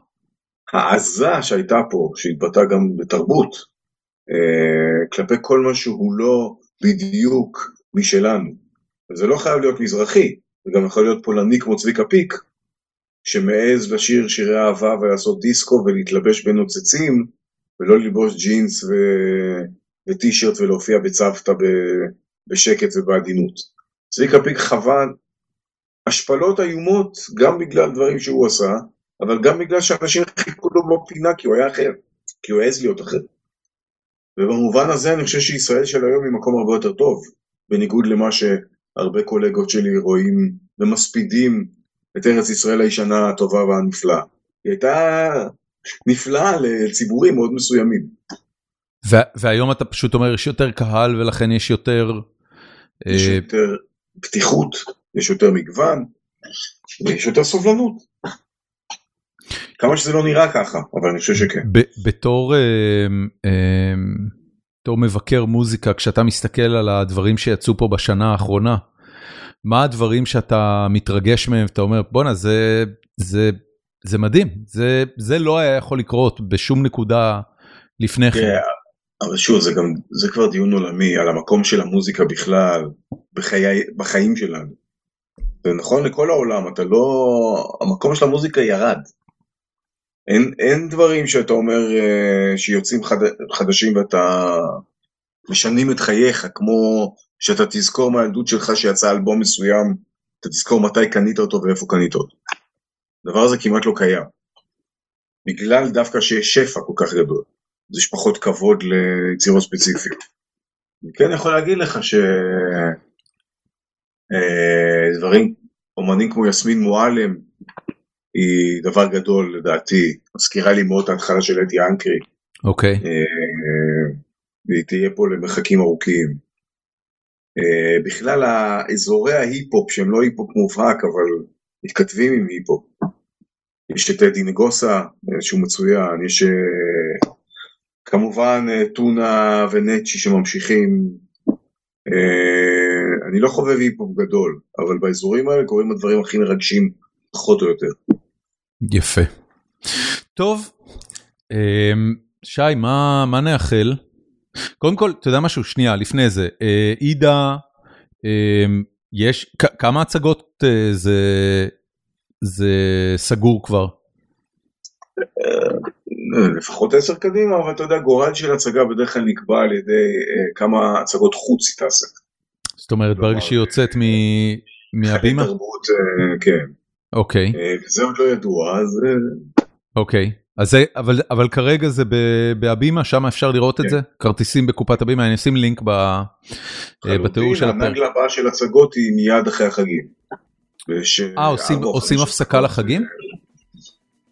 חלק סגור, חלק, אתה יודע, תיאטרון... אני לא יודע, מקרה... אני לא הייתי בתיאטרון אף פעם. לא עבדתי בתיאטרון. זה גם זה וגם הצגות הן באות בנגלות. אוקיי. עושה 4-5 הצגות, יש הפסקה. אל תשכח שאותם שחקנים שמשחקים בהצגה הזו משחקים בעוד שלוש או ארבע הצגות אחרות של הפיל. הבנתי, וגם צריך לפרק את התפאורות כל יום. אה, באמת אה, עידה זה, אני לא יודע אם ראיתי את זה נכון, אבל הם מציגים פעמיים ביום? או שזה רק פעם אחת ביום? לא, זה היה נכון לשבת האחרון. אה, אבל יש, כן, זה קורה לא מעט. מדהים שגילה אלמגור עושה שתי הצגות ביום. לא קל לה. וואו. תקשיב, זה מאוד מרשים. מדהים שהיא עוד עושה הצגות, מדהים שצדי צרפתי בין ה-82 ביים את ההצגה הזו. כן. כמו נער צעיר. כן, ראיתי את הצילומים מהחזרות, הוא זז באנרגיה של uh, מנצח הוא... תזמורת פילהרמונית. הוא uh, אות ומופת לאיך לשמור על חיוניות uh, בכל גיל. מדהים. אוקיי, אז זה עידה, ואתה אומר באזור נובמבר-דצמבר יעלה הסדרה על הגשש. וכמה אתה עוד הולך להמשיך עם הפרויקט של עטיפות תקליטים בפייסבוק? לא יודע. כמה שיבוא לי. כן. יפה. אה, אז אני, אני אשים לינקים רק שאנשים אם רוצים אה, יוכלו להמשיך לצרוך. שי, המון תודה. תודה לך. היה לי לעונג מאוד גדול. גם לי.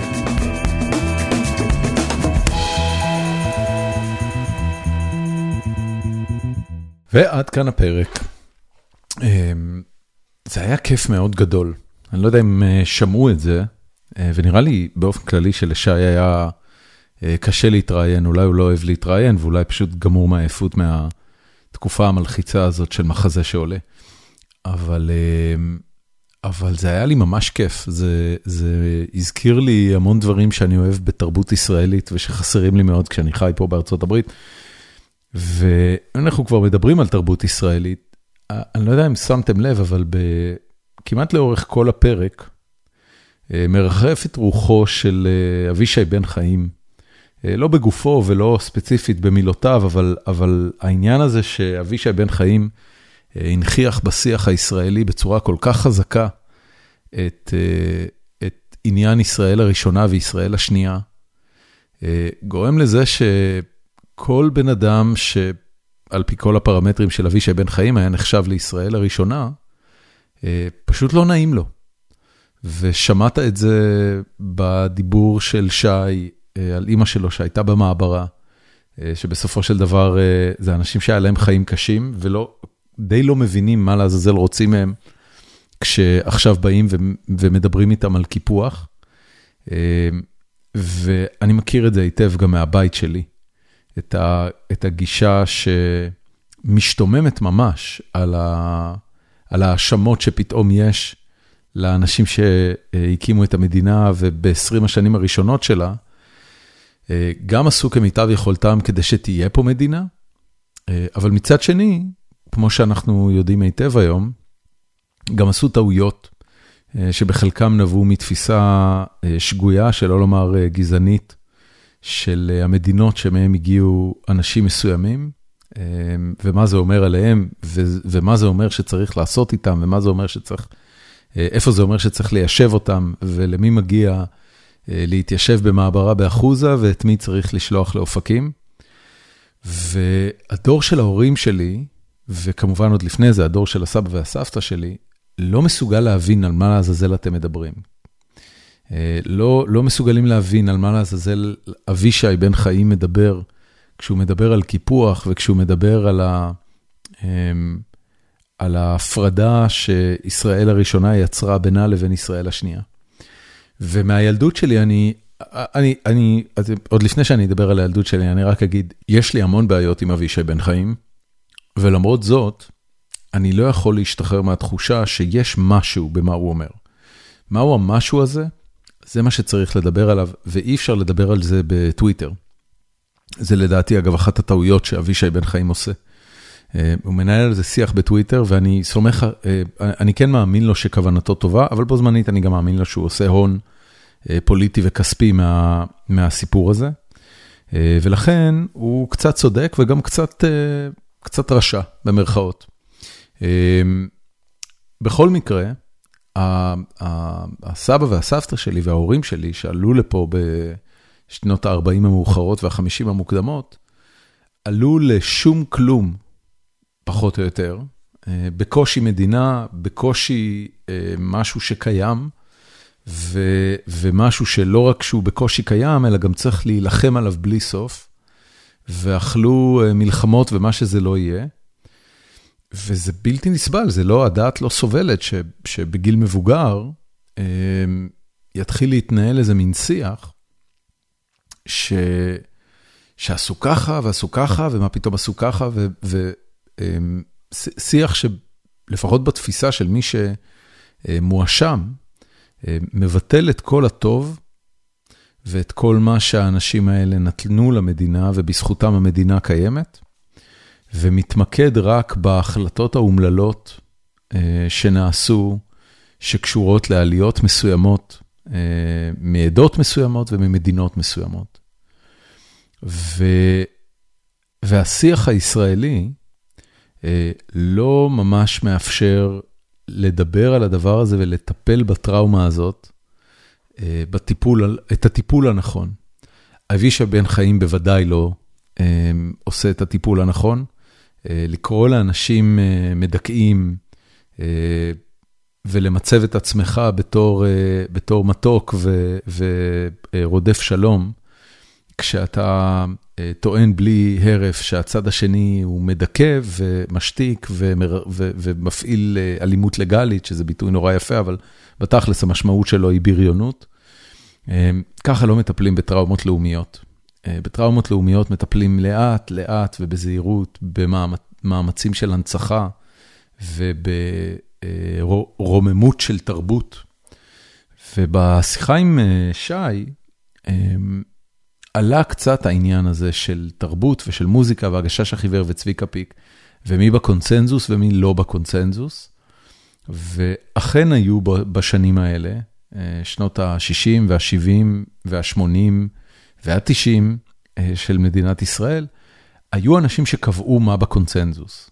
היום כבר הרבה פחות, היום יש ספוטיפיי והיום יש תקשורת שהיא לגמרי גלובלית ודמוקרטית. ובמובן הזה, אף אחד לא יכול לקבוע במידה רבה מה ישודר איפה, וזה דבר נפלא בעיניי, אבל אז כן היה.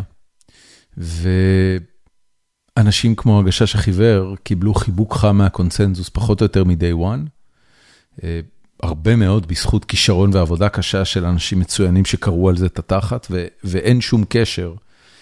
בינם לבין החלוקה המלאכותית של ישראל הראשונה והשנייה. ומצד שני, היו המון המון אנשים שלא היו בקונצנזוס, שלא הגיעו לסיבה למסיבה, שלא עשו איתם קמפיינים ולא עשו איתם תשדירי בחירות, אף מפלגה לא לקחה אותם וכולי וכולי. והם זוכרים את זה כטראומה אמיתית. זו טראומה אמיתית. העובדה שאתה לא רואה ייצוג שלך באמצעי התקשורת המיינסטרים, זו טראומה אמיתית, והיא לא נפתרת בזה שמדברים על הפוטמוביל אייל, של אייל גולן אה, כ, כמשהו שאמור להרחיק את הדיון, אה, וזה גם לא עוזר שאתה קורא לצד אחד אה, מדכא, אה, כי אתה רוצה שהוא אה, יתנהג בצורה אחרת. אה, ממש הערב היה פה בארצות הברית אה, טקס פרסי האמי, והוא היה... אה, אחרי איזה שנה, שנתיים, שלוש של מיטו ושל אה, Black Lives Matter, אה, שבהתחלה הרגיש קצת לא בנוח ולאט לאט הרגיש יותר ויותר בנוח. הטלוויזיה האמריקאית היא היום מקום שיש בו ייצוג מדהים ומגוון של החברה האמריקאית, אסייתים, הודים, שחורים, באמת כל צבעי הקשת שהמין האנושי יודע להציע. והטלוויזיה עושה את זה בלי אפולוגטיקה ובלי התפשרות על רמת המצוינות. אה, זנדאיה לקחה אמי שני על, אה, על הסדרה אופוריה. אה, בגיל 25, שחקנית הכי צעירה שאי פעם הגיעה למעמד הזה, ובצדק. שחקנים ושחקניות שחורים אחרים לקחו את הפרס, ולצידם גם שחקנים לבנים, וגם Squid Games, הקוריאנית, הבמאי שלהם לקח את האוסקר. זה היה ממש כיף לראות את זה. זה היה טקס אה, מרגש ומרומם ולא awkward בכלל, לפחות מבחינתי, למעט כמה רגעים. אה, ומי שהנחה אותו היה גבר שחור, ו, ויש איזה מין הרגשה כזאת שאחרי אה, הרבה שנים, ואני אומר הרבה שנים, 30-40 שנה, אה, החברה האמריקאית, אה, לפחות במה שקשור לייצוג בתקשורת ובתרבות ובאומנות, אה, נמצאת במקום ש... אני באופן אישי מרגיש מאוד נעים איתו. הוא לא מרגיש מעושה, הוא לא מרגיש אה, אה, כפוי. הוא מרגיש אינקלוסיבי ואותנטי בו זמנית. ויש מצב שעל הביטוי הזה, אינקלוסיבי ואותנטי בו זמנית, אני אחטוף ריקושטים, אבל ככה זה לפחות הרגיש לי הערב. אה, אני רוצה מאוד להודות לכם על זה שהאזמתם לפרק, ואנחנו נתראה בשבוע הבא.